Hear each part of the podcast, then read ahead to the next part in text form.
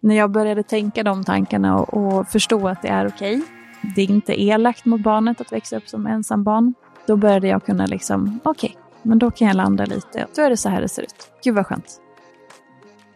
Alltså jag har känt mig dålig för att jag inte har känt att jag kan leverera i det som förväntas av en som mamma. Vi lärde känna henne som PT-Fia för mer än tio år sedan, men numera är hälsoinspiratören, författaren och föreläsaren kort och gott Sofia Ståhl. Även om hon aldrig känt sig osäker som förälder till sin dotter har hon känt att hon inte kan leva upp till det som många gånger förväntas av mammarollen. Hade hon velat vara mer mammaledig om hon inte hade drivit företag samtidigt som hon fick en bebis? Hur landade hon i att det inte blir fler barn? Vad var det bästa med uppväxten i Hedmora?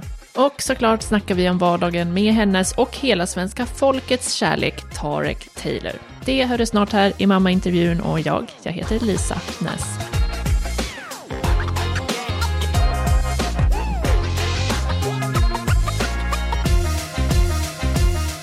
Kul att du är här Sofia. Ja men tack snälla. Jag vet inte om vi har setts förut. Alltså, visst bloggade du på Amelia? Ja. Jag var ju webbredaktör för Amelia. Ja, men för du kändes så bekant. Ja. Och då var jag så här, ha. Men sen blev jag osäker på... Jag minns typ inte att, att jag hade din blogg. Nej, men, men så kan det vara. Jag vet det. ja. Nu träffas vi nu i alla fall. Ja, det gör vi. Ja, Kul. jättekul. Ja, men du, eh, hur mår du? Just precis eh, idag så är jag lite fladdrig. Och är lite så, alltså, så här, men du vet, det är som att jag är mellan gammalt i det som har varit och nu så kommer det här nya. Mm. Det kan låta flummigt men i vissa skeenden i livet så upplever jag att man liksom är i så utvecklingsfaser, precis som bebisar. Mm. Att man, eh, liksom, man, man, är, man ska ta nästa steg, liksom, nästa kliv in i någonting nytt. Mm.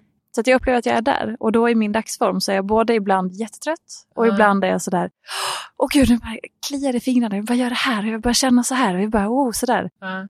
Så jag mår bra och är lite sliten och samtidigt fylld av så här, nu kommer någonting nytt. Ja, Jättekonstigt svar. Nej, jag tycker du har så intressanta sätt att liksom beskriva typ hur du mår eller vad, vad det är som händer. jag lyssnade på, på dig i den här, vad heter det, Shirin? Just det, Shirin möter. Ja, hon ringer. Eller, ja, exakt. Ja. Rise and Shine ja. med Shirin hette det, den lyssnade jag på med dig. Ja, men då refererade du också till liksom något tillstånd som jag tyckte var så Jo, flytta berg, var det där? Flytta berg. Just det, flytta berg-känslan. Ja. ja, exakt. Ja, sådana såna dagar kan man ju ha. Ja, precis. Eh, som är väldigt så, och det har jag känt sedan, jag var liten tror jag, att vissa dagar så är det som att allting bara klaffar. Och så här, ja. Åh, idag skulle jag kunna flytta ett berg. Mm. Jag, jag, är ganska högenergiad som, liksom, vad ska man säga, naturligt. Ja. Eh, så att jag tror att det har med det att göra, att jag har massa energi liksom, ja. eh, vissa dagar. Och vissa dagar så blir det helt tvärtom. Ja, eh, men eh, ja, jag tror att jag kanske är... Det kanske är en, så, både en yrkesskada och när man går igenom olika saker i livet som utmanar en ganska hårt så blir det att man behöver liksom... Mm. Och sen har jag gått privat i terapi och coachning och sådär. Så att, att bara så här, hur mår du? Bra. Det, det, det händer inte. Nej, men det är väl skönt. Det är ju, för det är oftast det man får liksom. Mm. Och man kanske inte så ofta tänker att man faktiskt kan benämna hur man känner sig på ett annat sätt än bra, dålig, Just det. orolig. Men vart är du på väg då? Vad har du för utvecklingssprång? Bra fråga. Eh, jag är nog förhoppningsvis på väg mot någonting som jag var i för några år sedan, men liksom en, en så här, jag började egentligen tvingades egentligen börja så här, möta mig själv och börja jobba på mig själv när jag var ganska ung. Mm. Eh, när jag var 19 så var jag i au pair i USA och blev psykiskt misshandlad av eh, min värdmamma, vilket mm. jag fick veta sen när jag kom hem och gick till en psykolog att det klassades som psykisk misshandel. Och liksom redan där kom jag i kontakt med terapi första gången. Och så första gången jag satt hos en eh, psykolog så var jag väl kanske ja, men runt 20 ungefär. Och sen så några år senare så gick jag in i väggen och blev sjukskriven för utmattningsdepression. Och sen har jag liksom fortsatt att eh, utforska. Liksom. Okej, men hur mår jag? Vem är jag? Vad behöver jag för att bli frisk? Vad, nu lever jag ett friskt liv och hur är det? Och hur kan jag stärka mig själv? Och hur kan jag stärka relationen till mig själv? Och, så där. och sen mm. så går det också hand i hand med mitt yrke och det mm. jag vill förmedla i mitt yrke. Så att jag, jag liksom utforskar och grejer och liksom eh, undersöker och ibland såklart så bara är jag och tycker att livet suger och allting sånt också. Ja. Eh, men jag kommer ifrån en period som har varit lång och skitsvår alltså, i mitt privatliv som har varit väldigt, väldigt påfrestande under lång tid. Så nu säger jag att jag behöver liksom, jag vill ju gärna se framåt men jag vill också hitta tillbaka till en känsla som jag hade innan allt det här började. Få vara liksom den här, ah, hej, jaha, alltså den här lugna sköna känslan eh, som jag vet finns där när det inte är liksom tusen saker som, som utmanar en hela tiden. Vad är det som har varit svårt de senaste åren? Vill du säga något? Nej, det är alldeles för privat. Eh, Ja. Tyvärr. Jag brukar vara ganska frikostig med att dela med mig, men eh, den här gången det går det inte. Men är det något som har avslutats eller liksom är det något du fortfarande Eh, Behöver ja, dras med? alltså, det jag framförallt har lärt mig av det tror jag är att varje gång som man möter saker i livet och man kan gå igenom, som jag gjorde när jag var yngre, en utmattning eller att man kanske, alltså vad det nu än må vara, livet har ju en tendens att testa oss hela tiden. Och det jag framför allt tar med mig är ju hur mycket vi formas av det som har varit, alltså bagaget som vi bär med oss som människor. Det jag reagerar på här och nu kanske väldigt sällan har att göra med det som är här och nu, utan ofta så har det att göra med någonting som triggas från det som man har upplevt tidigare. Mm. Och det är ändå någonting som jag ser en gåva i att se att okej, vänta nu. Om jag ska kunna liksom hantera känslor och reaktioner och saker och ting som händer här och nu, då behöver jag förstå att mitt bagage påverkar hela tiden och att det kan bli väldigt högljutt stundtals. Mm. Och det kan också hjälpa till att skapa någon slags både lugn och trygghet och också distans till att säga, men vänta nu, den här reaktionen jag fick nu, åh, nu tar vi det lugnt. Den handlar inte så mycket om det som är här och nu, utan det handlar om att det här, min, mitt bagage här blev triggat och trodde att oj, nu vart vi rädda för att det här kanske skulle hända. Mm. Men det handlar ju inte om det. Mm. Så många gånger när vi som människor reagerar väldigt starkt på någonting så kan det vara så fint och som ett vettigt verktyg att ta med sig. Okej, men vänta nu, fråga dig själv. Är det här faktiskt att jag reagerar så starkt på det som hände här? Eller triggades någonting i min, mitt bagage som, som sa ofta då att man blir rädd för någonting. Mm. Ska det här hända? Eller nu kanske inte jag räcker till. Eller nu kanske jag är otillräcklig. Eller om Mm. man är osäker i olika sammanhang eller relationer eller vad det kan vara. Så det är ändå någonting som jag säger, okej, den har jag med mig nu. att Okej, men jag har mått dåligt i den här situationen jag har varit i. Då har det skapats massa mönster i det. Men nu tillhör det det förflutna. Men det förflutna, det bagaget, det blir ibland väldigt triggat och högljutt. Mm. Och så kan jag här och nu du se att, mm, men vänta nu, lugn och fin, det är bagaget som pratar. Ja, Okej, då skapar vi lite distans och så kan man sortera det lite sådär. just det. Verkar det rimligt? Ja, absolut. Så länge man kan vara så klarsynt i det, Det är ju där inte alltid man kan det. Nej, men det är ju otroligt om, om man kan det. Ja, Ehm, det krävs en hel del övning, för såklart känslor Ja. kan ju också vara väldigt starka och man bara, wow, nu så bara känner jag så här. ja, Men att då kunna fånga upp sig själv och påminna sig om att mycket av ens reaktion, nu pratar jag lite övergripande, men mm, är ju för det vi har tidigare erfarenheter av. Mm.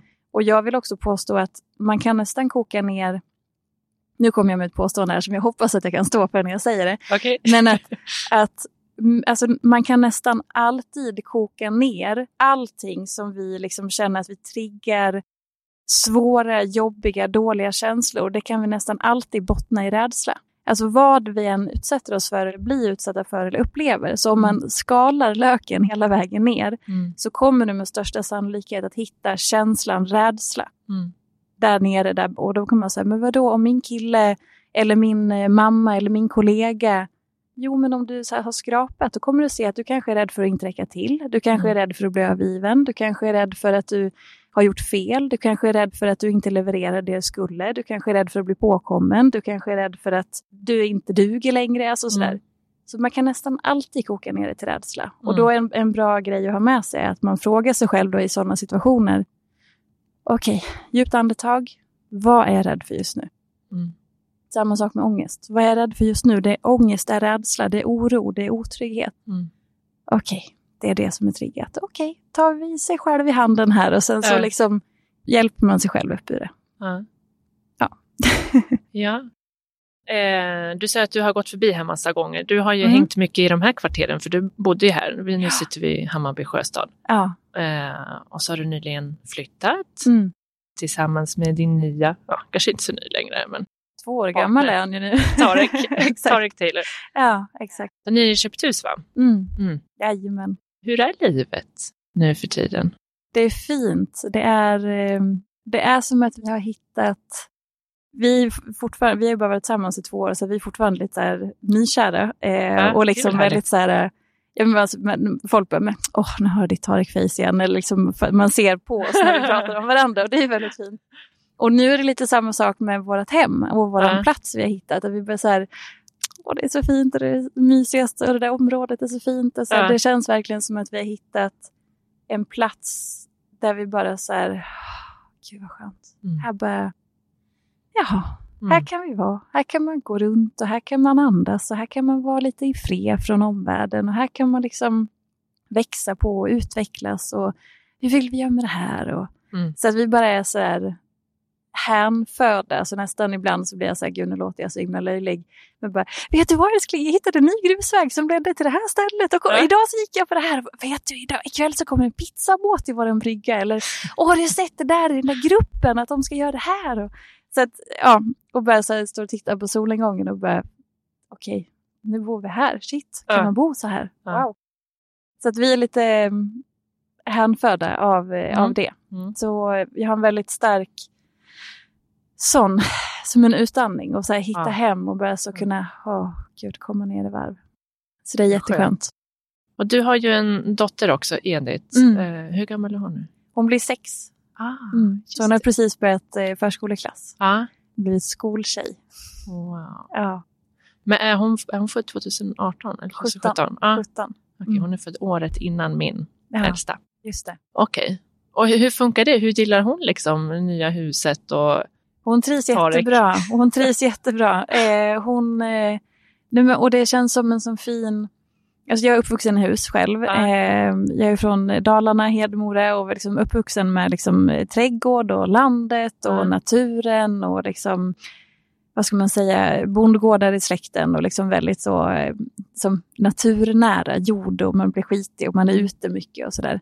Så att det känns som en, en gåva att kunna ge henne samma sak. Och det har varit någonting som, som jag kanske har längtat efter men inte riktigt har trott på att jag skulle kunna ge för att vi bor i Stockholm och ja. det var inte aktuellt så länge jag var liksom ensamstående och sådär. Ehm, så nu så är det som, och hon var lite så i början, så, men, fan, ska vi verkligen flytta och vad är det? Och liksom, sen har hon flyttat när hon var pytteliten, men det Mm. kommer hon inte ihåg så mycket. Men eh, när vi väl nu har liksom bott in oss och hon är sådär börjar sticker ut i sniglarna och hoppar Mm. studsmatta och blivit kompis med grannbarnen och vara sådär. Så att det är, ja, vi trivs jättebra alla tre. Ja. Det är jättefint. Hur har ni uppdelat? Har ni varannan vecka så eller? eh, Ehm, eller? Ungefär. Ja. Vi, har, vi, har nå- vi, har, vi gjorde ett litet eget schema för att eh, vi tyckte det var för tidigt med för var, varannan vecka. Ja. Eh, men sen, och sen, vi hade ju 2-2-3 i början, eh, den klassiska. Men sen så har vi gått över till en variant med liksom en period av längre dagar och sen så är det lite tätare. Eh, så det är ju halvtid, men Mm. inte exakt varannan vecka. Nej. Det brukar vi köra på sommaren och på julloven, för då behöver man ändå kunna åka iväg på semester och sådär. Ja. Spännande med nytt, nytt kapitel. Ja, en flytt gör ju så mycket med en på det sättet tycker jag. Ja. Det är så stor, eh, som sagt, jag är väldigt mycket så för energier och att, här, att det ska kännas bra. Och när Mm. man har bott på ett ställe så känner jag också att jag längtar efter någonting annat. Eh, Mm. har gjort hittills i alla fall. Nu, nu känns det som att jag kommer alltid vilja bo här. Men eh, ja, flytt är symboliskt också väldigt Mm. eh, stort, tycker jag. Jag tänker den här flytten också, för du flyttade ju till din förra lägenhet som du har lämnat nu då. Du flyttade ju dit när du och Ediths pappa separerade, Mm. eller hur? Ja, Och det var liksom ditt hem där du var singel och det var bara hon och du och du gjorde ju så fint i lägenheten har man sett om man har följt dig. ja. Eh, Så det måste ju också vara speciellt att lämna, liksom. det var ju en fas av Sofia kan jag tänka mig som. Ja, men det är klart det var. Eh, det var mitt första egna hem eh, Mm. som var bara mitt. Jag har, när jag eh, flyttade hemifrån så eh, dels som sagt flyttade till USA, bodde hos värdfamilj, sen flyttade jag till Oslo, då bodde jag i kollektiv. Eh, och sen flyttade jag till Stockholm och bodde med tjejkompisar och sen flyttade jag ihop med då min exman och blev Ja. sambo. Så att just att bo helt själv hade jag aldrig gjort innan. Ehm, så att, och då fick jag ändå nu fyra år, även om då Tarik flyttade in ganska snabbt i och med att han Ja. eh, bodde i Malmö och sen när han var här så var det inte så att han bodde på hotell utan då bodde han ju hos mig när vi började Ja. träffas. Ehm, men det var, det var verkligen min plats och min och Ediths plats. Mm. Ehm, och jag tror att det var sjukt viktigt att få den, liksom, den perioden av att eh, vara själv, känna sig självständig, få vara ensam om alla beslut, få vara Mm. liksom den här, nu står jag på egna ben och jag är kapabel och jag är kompetent och jag är allt jag behöver. Eh, jag tror att den känslan är extremt viktig för, för många. Framförallt kanske också om man har, som jag då gick in i, i en lång seriös relation när jag var 20 år gammal. Vilket jag idag kan tycka här, det är ju en gåva såklart, för att vi hade det fantastiskt fint i tio år och vi fick Edith och det var Mm. liksom, jag önskar ingenting annorlunda, men, men också att man är väldigt ung när man är 20. Eh, eller när man, liksom, om man går in tidigt i en lång relation. Så det är också så här, det är viktigt att få känna att man är sin egen person på något vis. Så att man framförallt kan känna att man är en egen individ som lever tillsammans med någon, men man är en egen individ. Jag Mm. tror att, för det är så lätt att man blir typ samma. Och det tror jag är eh, sunt då att påminnas om att man inte är det. Ja, Utan precis. att man får vara sin, sin egna, stå på sina egna ben. Men när, du då, när det blev det, att du då fick vara kapabel själv och vara självständig i dina egna regler, var det några nya sidor som kom fram i det? Eller var det, fick du liksom något? Gud ja. Ja, jo, men det blir det ju. ehm, för jag, alltså jag tänk, dels är jag och min exman blev vuxna tillsammans. Eh, och det är ju på många sätt något av det finaste man kan gå igenom. Men det blir också att man är så formbar och liksom så. Och vi är väldigt olika på många olika sätt. Så Mm. sen när jag hade, när det bara var jag så kunde jag utforska liksom okej, herregud, här, här, jaha, men gud, kan man göra så här? Eller det här gillar jag, eller det här tycker jag om. Eller, och det är väl också klassiskt när man, är, när man bara går ur en relation överlag, att man, man blir lite mer så här, vänta nu här nu, vad är det Mm. jag tycker om nu egentligen? Eller vad trivs jag med? För man har ett helt annat utrymme.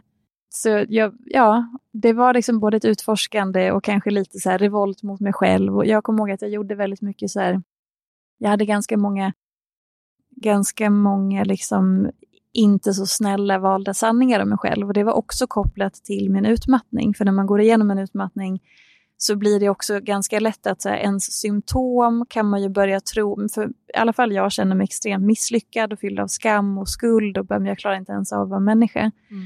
Och då blir nästan symptomen som ens personlighet eller ens personlighetsdrag eller att man tillskriver sig antingen själv eller att omgivningen inte kan sortera mellan att vänta nu, det här är faktiskt dina symptom på din sjukdom du går igenom, inte att du faktiskt är de här, eh, Ja, som, att det här är din personlighetsdrag. Nej. Så det behövde jag göra upp med ganska mycket. Nej, och då fanns det också ett annat utrymme, för när man, när man helt plötsligt sitter man där själv. Mitt barn är hos sin pappa och de lever i en annan lägenhet, då är det ju bara jag där. Och då finns det ju naturligt att man så här, jaha, hej, Hej. hur var det med mig då? hej hej!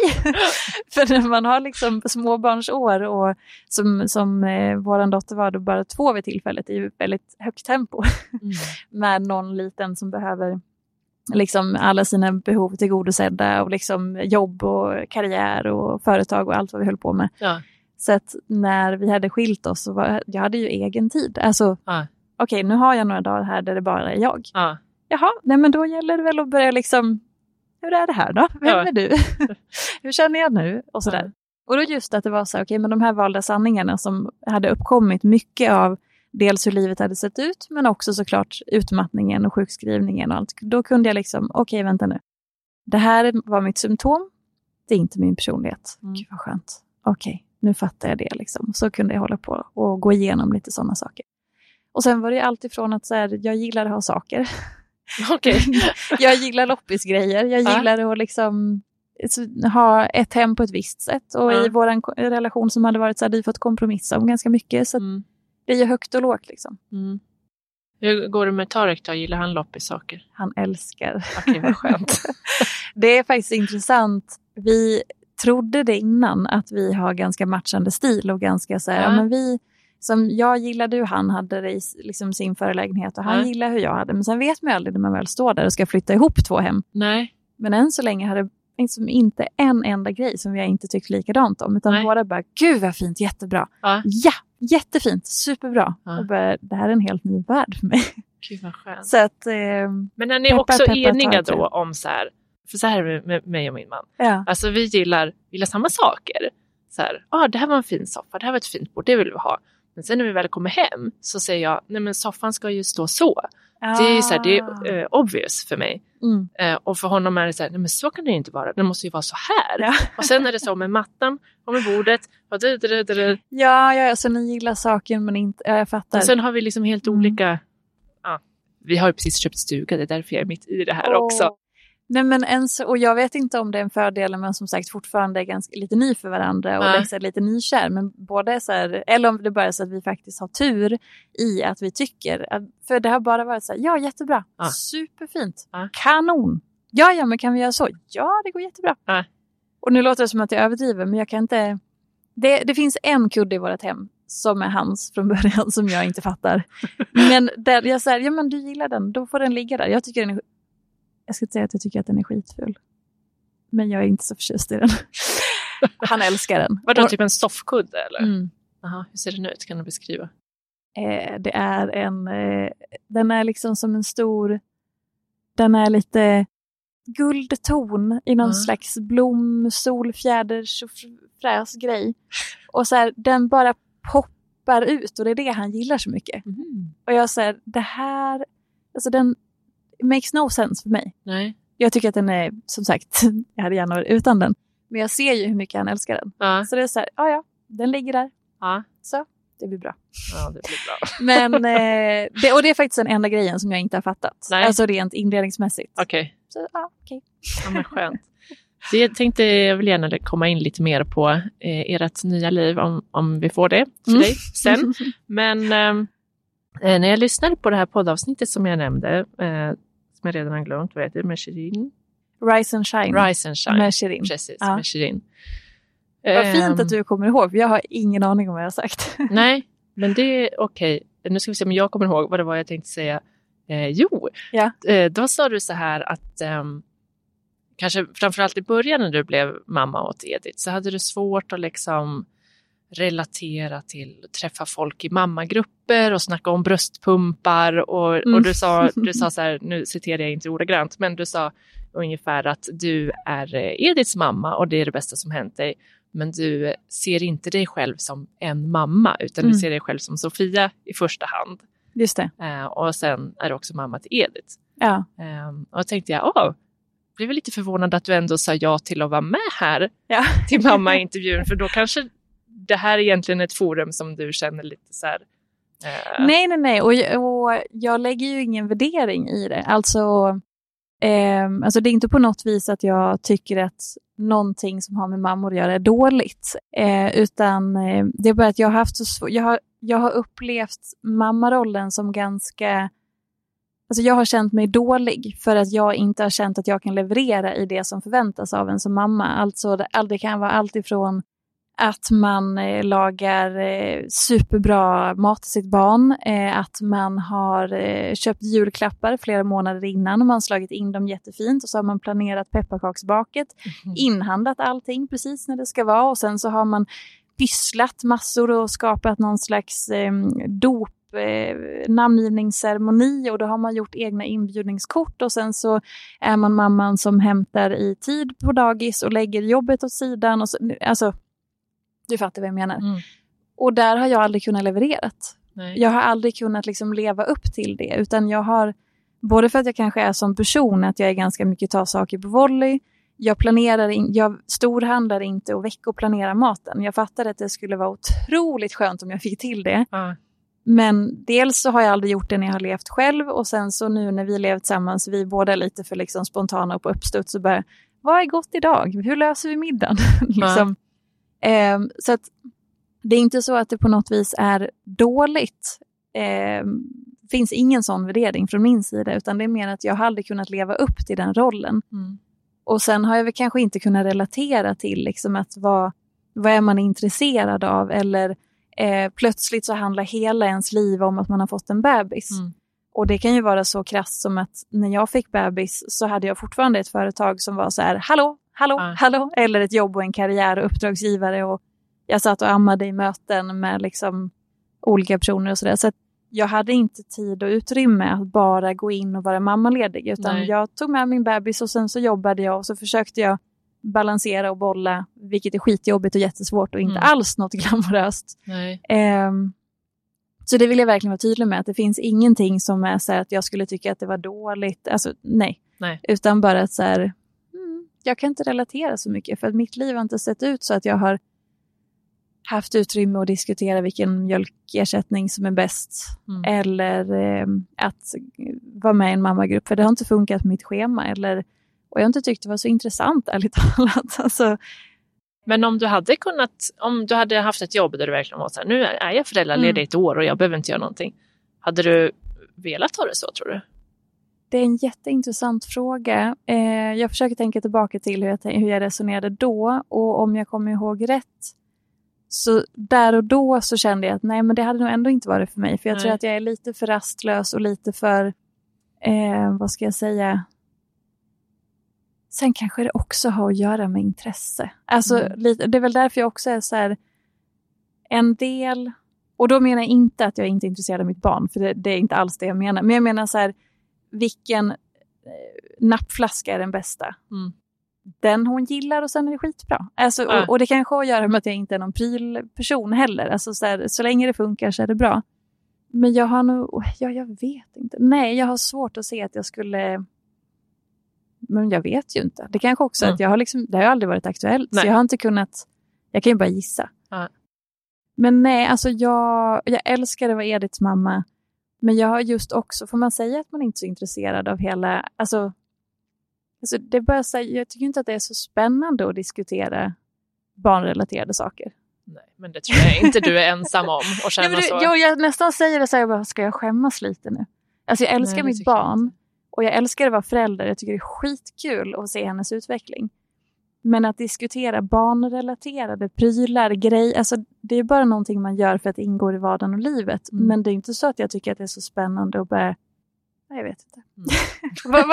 vad, är, du i den frågan? Ehm, nej men jag har nog gillat, jag har nog gillat att eh, prata förlossning och graviditet Mm. och kanske prylar till viss del. Den här selen hade vi och Ja. sådär.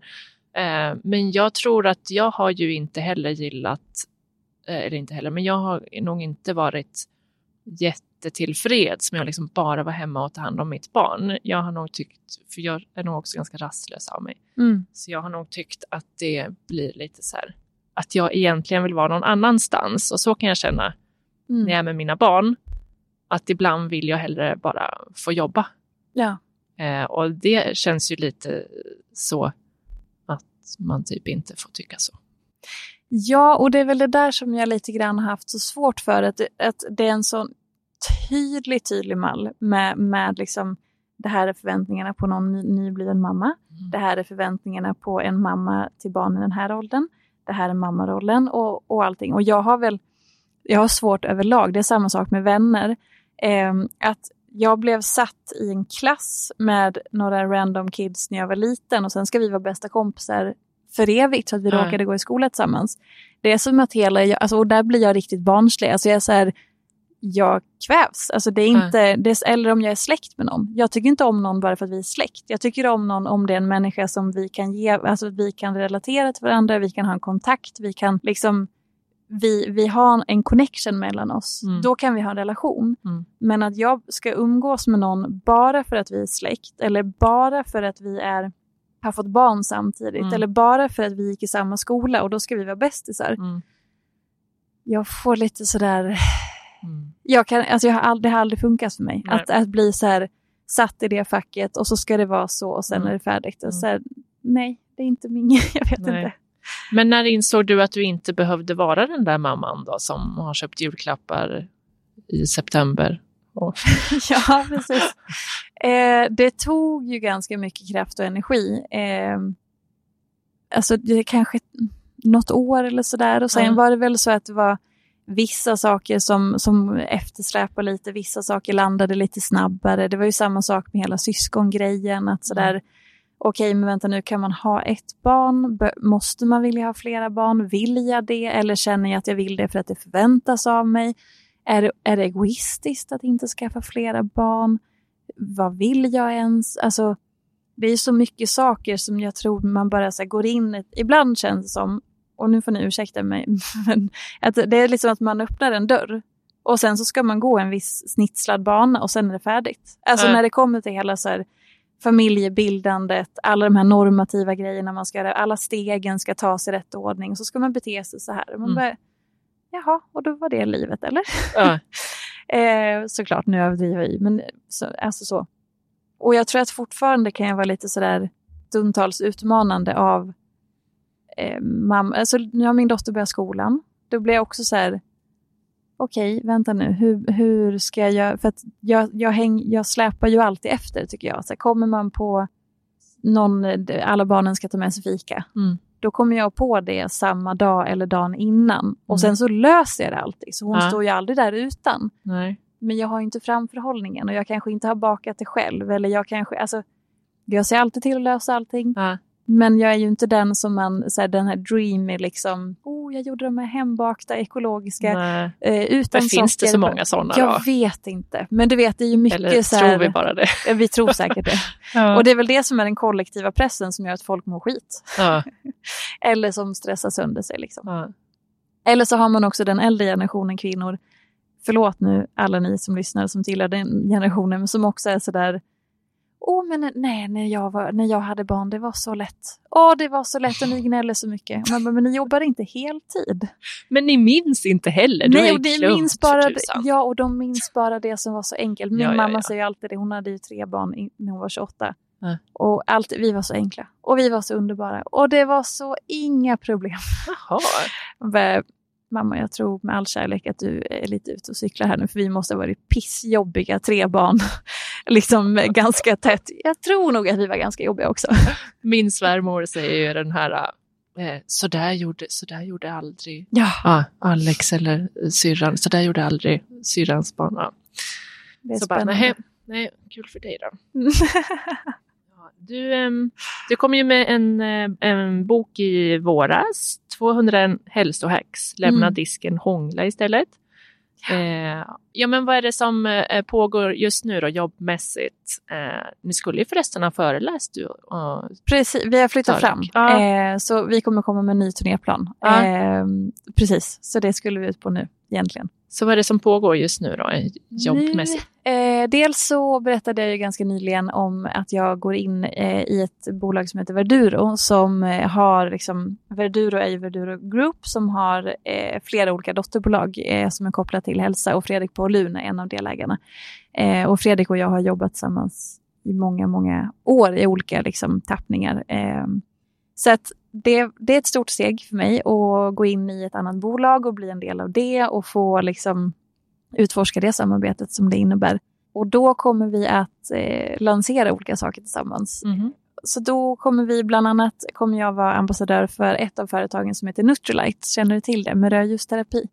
Nej. Det är jättespännande. Eh, rödljusterapi är ju, alltså det är rödljusterapilampor. Eh, och Fredrik är ju som är en... det infrared, är det, det samma sak?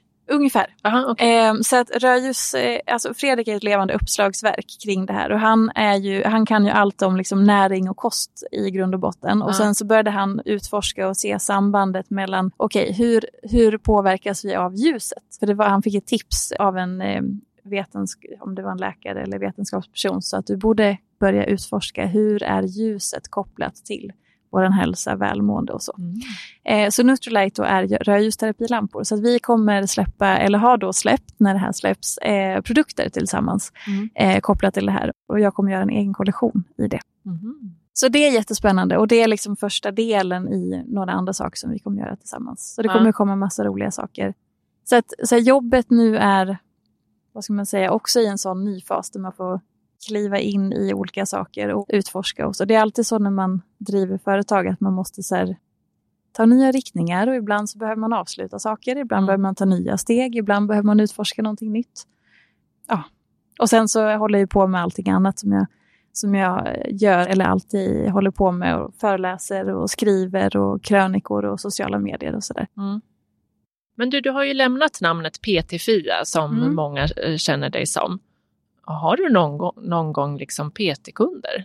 Nej. Jag har coachingkunder Okej. eh, och det, vi pratar ju om, alltså det går ju utifrån liksom hälsa, träning, men sen blir det alltså i och med att mitt tänk runt hälsa, träning innehåller livet och stress och relationen till sig själv och välmående och helhet så blir det ju att man pratar just helhet. Mm. Eh, men, men inga PT-kunder på, på gym eller liksom rena, nej. nej, det har jag inte haft sen, oj, sen jag var sjukskriven tror jag. Ja. Tio år eller elva år. Ja.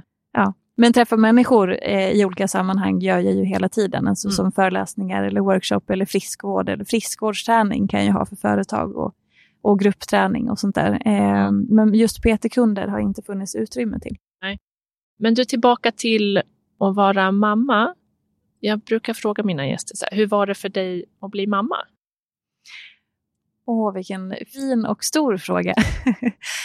det är så roligt när man ska börja tänka tillbaka. Så nu, nu är hon ju sex år och för mig så blev det så tydligt nu när hon började skolan.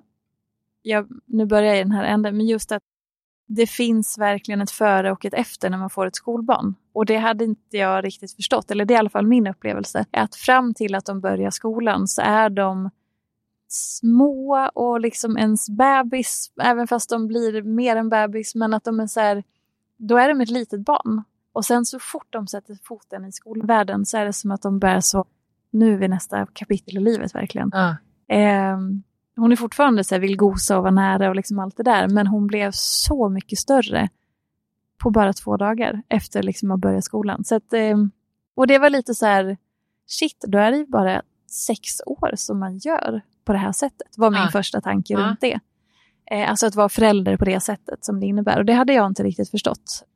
Men att bli mamma, det var omvälvande eh, och efterlängtat och väldigt så här, vad ska man säga, det var ju så stort såklart. Eh, och det var ett nytt sätt att känna kärlek och det var liksom att jag, jag också fick en sån stark känsla av att här är mitt barn. Alltså den känslan var så dominant från start. Det var som att hon, och så kanske man känner med ett syskon också, jag vet inte, jag har bara ett barn, men att så här, ah, här är hon liksom, det här är mitt barn, wow, oh, här är mitt barn.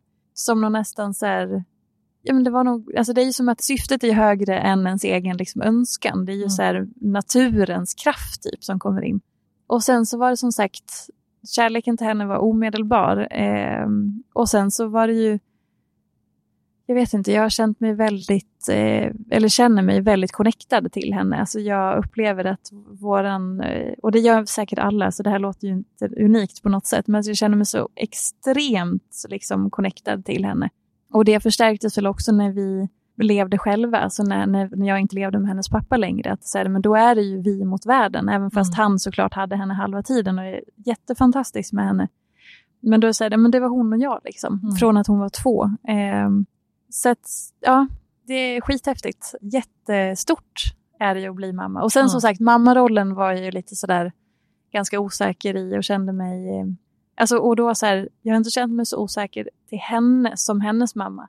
Men mammarollen, alltså för mig är det skillnad. Ja. Ehm, och sen så var det ärligt talat jättesvårt eh, att ha bebis, bli mamma, jobba, driva företag och försöka kombinera det. Det Mm. var... Jag vet inte hur folk gör som säger att det är enkelt eller lite sådär härligt och Nej. lyxigt. Jag har inte fattat. Jag tyckte det var sjukt jobbigt och svårt och komplicerat och kände mig otillräcklig många gånger. Mm. Och sen också såklart bra att det funkar, bra att man har möjlighet. Men också så kände jag att jag inte hade något val och man gjorde så gott man kunde. Liksom. Ja. Men det är inte en drömmig situation. Nej. Men du, du nämnde ju där att ehm, du funderade på om, om man behöver känna att man vill ha ett syskon. Jag vet att du Mm. har ju sagt tidigare att liksom, eh, barnfabriken är stängd, du vill inte ha fler. Kände du så från början eller var det liksom något du behövde fundera ut? Mm, Det var ju... Alltså det var ju en process såklart. Eh, sen så, jag tänker också att så här, många saker som man, som man, man känner eller vet eller så här, det är ju var man befinner sig här och nu och hur livet ser ut och vad man är. Så jag tänker att det var inte så konstigt att det var så himla tydligt för mig att så här, nej men hit men inte längre. Liksom. Mm. Det här är fantastiskt men nu är det färdigt.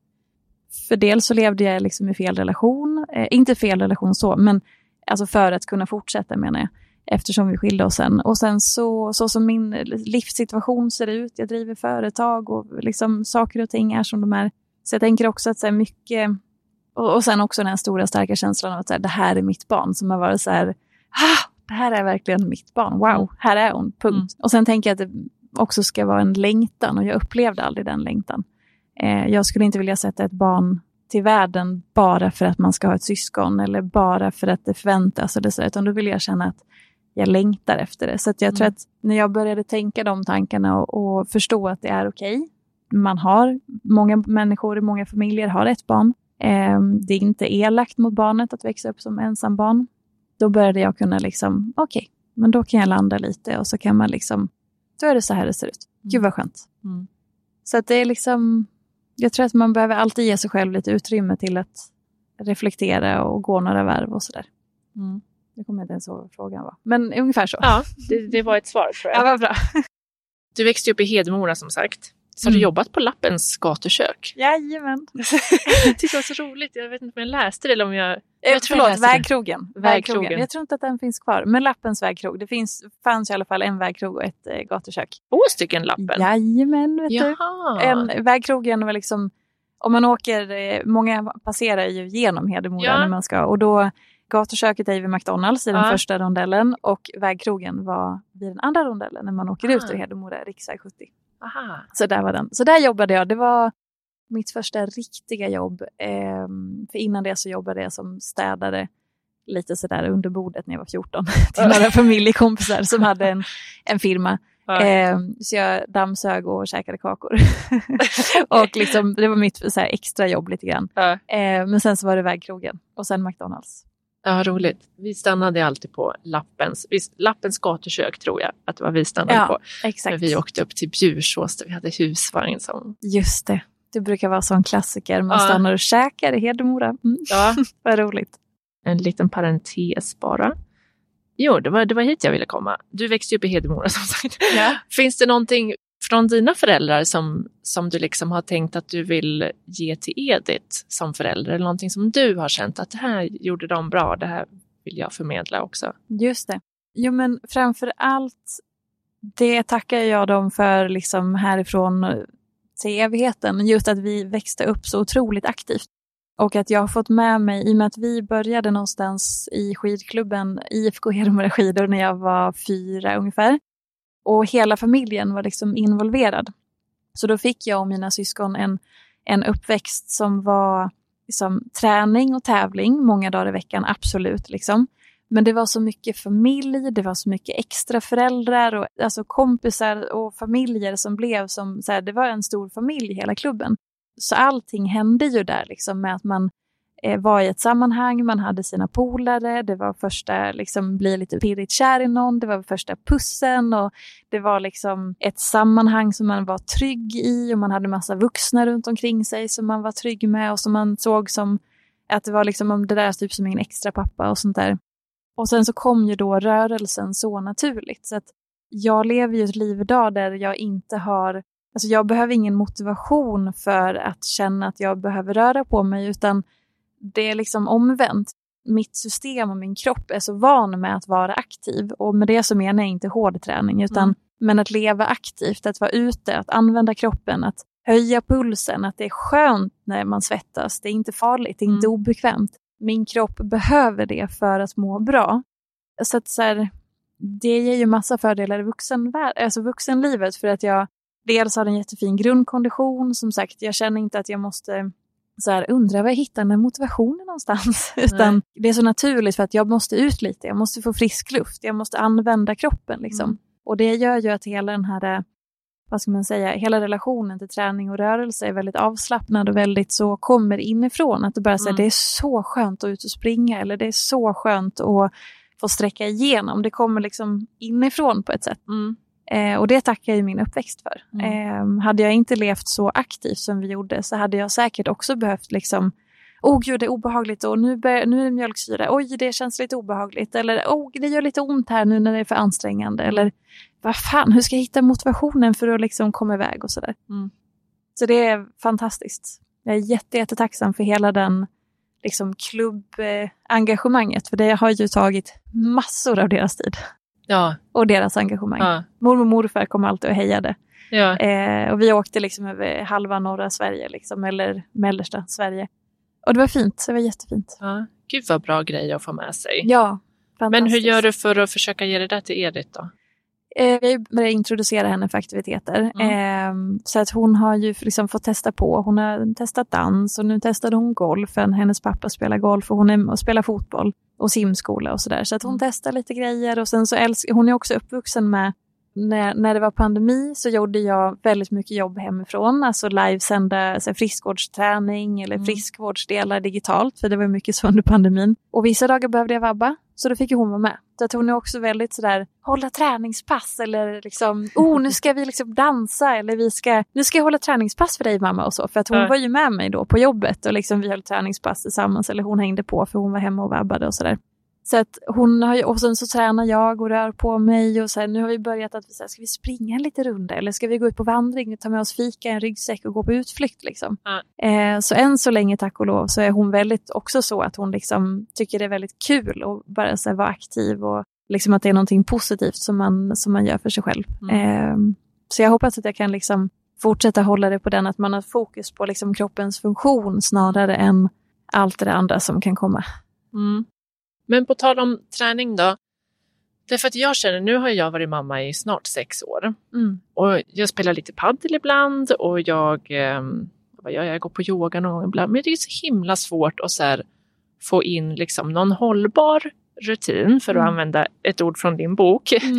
Att liksom så här, hur ska jag göra för att liksom få in mer träning i mitt liv? Jag vill ju det, Ja. men jag tycker det är så svårt att liksom få någon slags hållbar Mm. rutin. Har du något tips? Ja, alltså ehm, det finns ju många jättebra tips i det, men, men det första att fråga sig är vad behöver du? Eh, vad funkar med den verkligheten som du lever i? Alltså rent praktiskt, hur ser dagarna ut? Hämtning, lämning, eh, din partners eh, tider, dina arbetstider. Eh, alltså hela det här liksom som man kallar för livspusslet. Har ni resetider och alltihopa? Okej, titta på när kan ni få in så här, okej, men där går du och tränar eller där finns det en lucka för dig eller där skulle du behöva det. Och hur kan man lägga det? Och sen när man har löst den praktiska biten och faktiskt säger nu har jag bokat in, det här är min tid eller det där Mm. är din tid. Liksom. Då också säga, okej, men vad behöver du då? Eh, utifrån till exempel om man har en period i livet som är väldigt hög stressbelastning på jobbet, man känner sig stressad, man känner att det är många bollar i luften, det är liksom hela tiden så då kanske man inte behöver den mest högintensiva liksom, crossfit-träningen under den perioden, utan då kanske man behöver någonting som är lite mer low-key, men ändå utmanande och stärkande. Man kanske Mm. behöver tung styrketräning då, istället för att man går på liksom, intensiva intervaller, som exempel. Så att också att se på sig, men vad, vad befinner du dig? Hur mår du? Och vad önskar du mer av? Och inte titta så mycket på heller det som skapar liksom press och prestation eller någon slags utseendehets. För då är det lätt att det blir så här, åh, jag är så otillräcklig och så ska jag försöka passa in i den mallen. Okej, nu har jag inte gjort det liksom så många gånger som jag borde och så blir det borde, måste, ska. Mm. Och så orkar man inte för att det blir bara så här ett sjukt avancerat projekt där man känner sig dålig och ful. Ja. Så att, att försöka att plocka ner det och så här, ja, idag skulle jag behöva komma ut och få frisk luft för att Mm. jag har suttit inne hela dagen. Mm. Okej, vill jag röra lite på mig då? Eller behöver jag, ja, jag kanske behöver höja pulsen lite. Mm. Kuta lite i backen. Mm. Fan vad bra, skönt, bra jobbat. Då räcker det. Nästa dag. Okej, men idag skulle jag kunna cykla till det och det och det mötet och sen så kan jag cykla så här. Okej, men då har du cyklat totalt åtta kilometer idag. Perfekt, klapp på axeln, färdigt. Mm. Alltså, chilla lite, göra det lite mer att tänka hållbart och länge än att det ska vara så där, jag ska gå på det här satspasset och sen ska jag gå på den här grejen och sen, alltså, men Ja. ta det lugnt. Alltså det, det, är mer värt att man känner att man kan göra det så att det blir en så mjuk och fin stämning inuti. Mm. Än att man ska bli så där, som jag sa, man känner sig dålig, misslyckad och ful och mm. som inte gör tillräckligt. Mm. Och att rusa in på ett yogapass bara för att man ska klämma in yoga på lunchen. det blir inte heller så mycket närmast över det.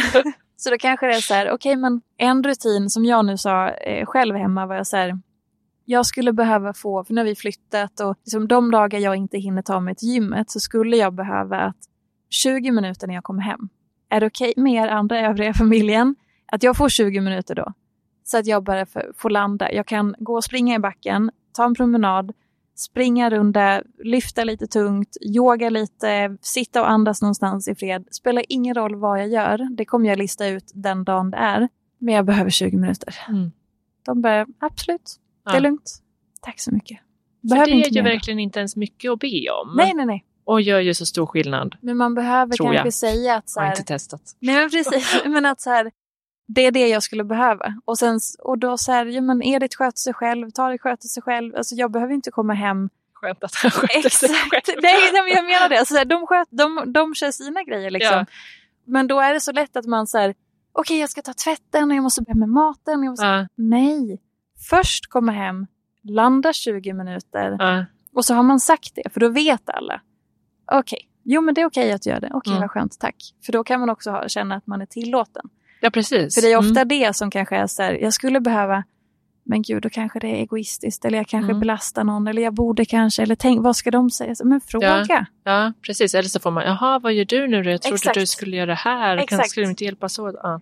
Exakt. Precis. Så kommunicera med sig själv, kommunicera med sin eventuella partner, eller sitt barn eller sina barn, och bara så här, det här skulle jag behöva.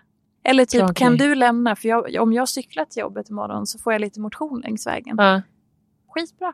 Ja. Kanon. Alltså man måste också säga good enough. Det viktigaste mm. är att du rör på dig, att du använder din kropp, inte hur. Mm. Över tid. Tränar du med Tarek något? Väldigt sällan. Ja. Hur är han? Är han någon träningsperson? Ja, det är han. Ja. Eh, det är han i grund och botten och älskar att leva aktivt. Sen ja. har han haft lite problem med, med ryggen som har, som har ställt till det. Men eh, Eh, han, just nu så älskar han att snickra, eller han älskar ju mm. att snickra överlag. Så att, eh, han är väldigt så, liksom, gillar att använda kroppen mm. och bygga saker och sånt där. Så att, eh, och det är väl på ett sätt en form av liksom, aktivitet också.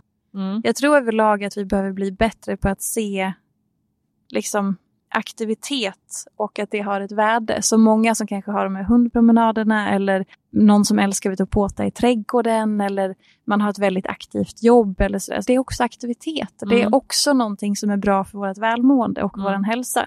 Eller den här vardagsmotionen man säger och sånt där. Mm. Så att, eh, jag tror att vi överlag behöver bli lite liksom schysstare med att så här, bredda begreppet så att vi också ser att så här, det här var bra ja. tog jag trapporna där, eller jag cyklade där, eller jag var ute och snickrade stenhårt i två timmar, eller whatever. Liksom. Mm.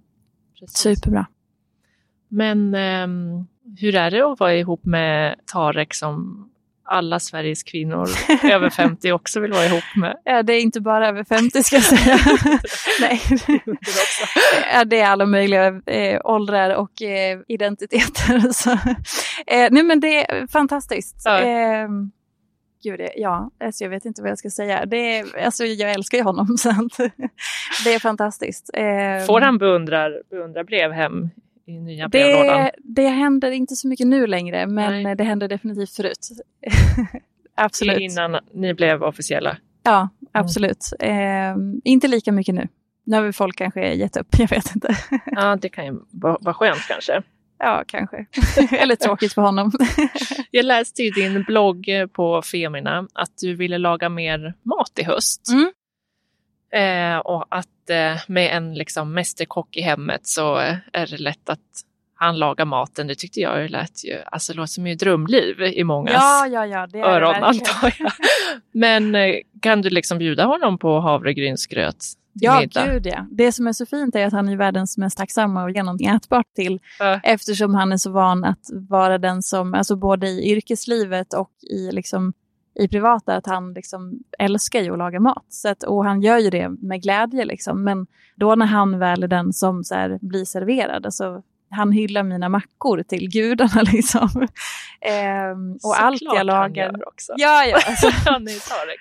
exakt. Ja, ja, ja. Nej, men så att, ehm, ja. Han är jätteglad när, man, när han får mat serverad. Ja. Ehm, vad den, den kan vara liksom. Genom lite sallad eller ja, sallad är ju tråkigt i och för sig. Men jag menar så här väldigt basic. Alltså Ja. vi, vi hittade den här äm, gamla raketosten på, på eh, någon matbutik. Det är någon ost som fanns för jättelänge sedan Aha. när han var liten.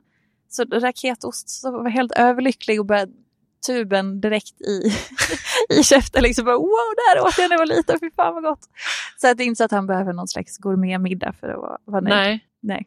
Det hade varit men vi, visste du vad raketosten var när han... Nej. Nej. Jag tyckte det var bekant, men jag har nog aldrig ätit det. Nej, för jag tänker, ni har ju också ganska mycket åldersskillnad precis som mig och min Mm. man. Mm.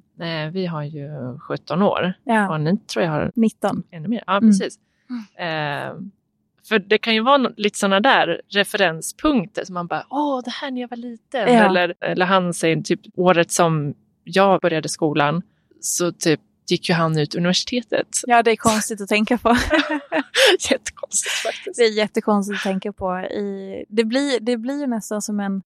Det, det existerar ingen åldersskillnad oss emellan. Och, och har man inte haft en partner med kanske stor åldersskillnad så kanske man tänker så här, "Men vad, vadå, vad, det är så upp, men så här, genuint med handen på hjärtat, vi har ingen åldersskillnad mellan oss annat än på pappret. Alltså den, vi upplever den aldrig, vi känner den inte, vi, alltså den är inte där. Eh, och hade man upplevt det så hade man kanske inte ens kunnat bli kär eller bli tillsammans om Nej. man hade tänkt på den så. Nej.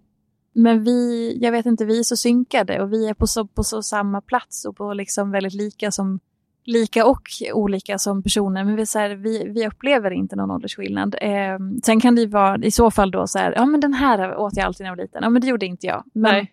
men det är också, alltså det, det är inte så att man, det kan ju lika gärna vara som att, ja men i Skåne så är det så här, i Dalarna var det så här. Så att, Precis.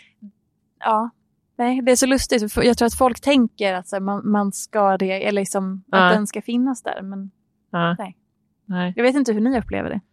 Eh, jag tycker inte heller det, men eh, min man, eller jag säger alltid man, vi är inte gifta egentligen, eh, Alex, han, eh, han hade ju heller inga barn när vi såg, så då tror jag också att då, liksom, då är man lite på samma plats. Man är en vuxen Mm. människa, han hade hunnit jobba mer än vad jag hade. Han Ja. hade hunnit se mer av världen kanske. Mm. Ehm, så. Mm. Men annars så har man ganska lika liv, Exakt. eller liksom vart man är i livet. Exakt. Har du lärt dig någonting matmässigt av att, av att leva med Tarek? Har han gett dig några bra tips? Ja, hela tiden. Eh, oh, gud, nu om jag ska komma på något specifikt.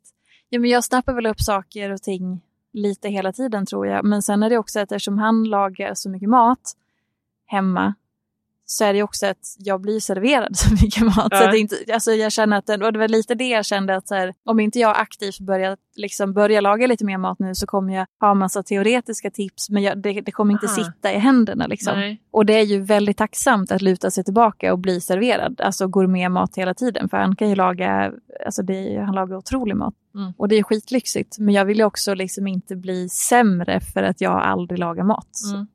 Ja, nej men han har något ristips, knep, eh, som gör att ris alltid blir perfekt. Jag kan tycka att det är svårt att koka ris, Mm. så det kan bli så här lite överkokt eller Ja. vattnigt liksom. Ja. Eh, och då hade han fått lära sig det från någon japan som man ska, oh nu det här skulle han egentligen säga själv så inte jag säger fel. Det kan vara fel jag säger. Men man ska, det är någonting med att man ska, liksom som en mängden vatten ska alltid vara, om man häller upp ris i kastrullen Ja. Så ska mängden vatten alltid vara som en handflata ovanför där riset slutar. Och så ska Aha. man koka upp det och sen dra ner den till ettan. Och så låter den... Ja, jag ska be honom lägga upp det här på Instagram. För nu tror jag det är typ så. Ja. Men jag kan inte säga hundra för jag är så rädd att säga fel. Någonting med en handflata. Ja, exakt. Det är jättebra tips. Fast inte handflatan på plattan. Ristipset får man leta upp på Tareks Insta. Och så tack snälla Sofia för att du kom och var med i mammaintervjun. Tack snälla du. Tack. Tack också till dig som har lyssnat på ännu ett avsnitt av Mammaintervjun. Lyssna på alla de andra och tipsa alla dina kompisar, för här sitter jag i min ensamhet och bara jobbar antagligen alldeles för många timmar med den här podden, som inte ger mig någonting i plånboken alls. En sak som du skulle kunna göra om du uppskattar den här podden är att gå in på guldpodden.se och rösta på mammaintervjun. Jag är nominerad i två kategorier, Årets poddnykomling och Årets intervjupodd och det vore ju helt otroligt om jag fick vinna. Så gå in och rösta där så blir jag så himla glad.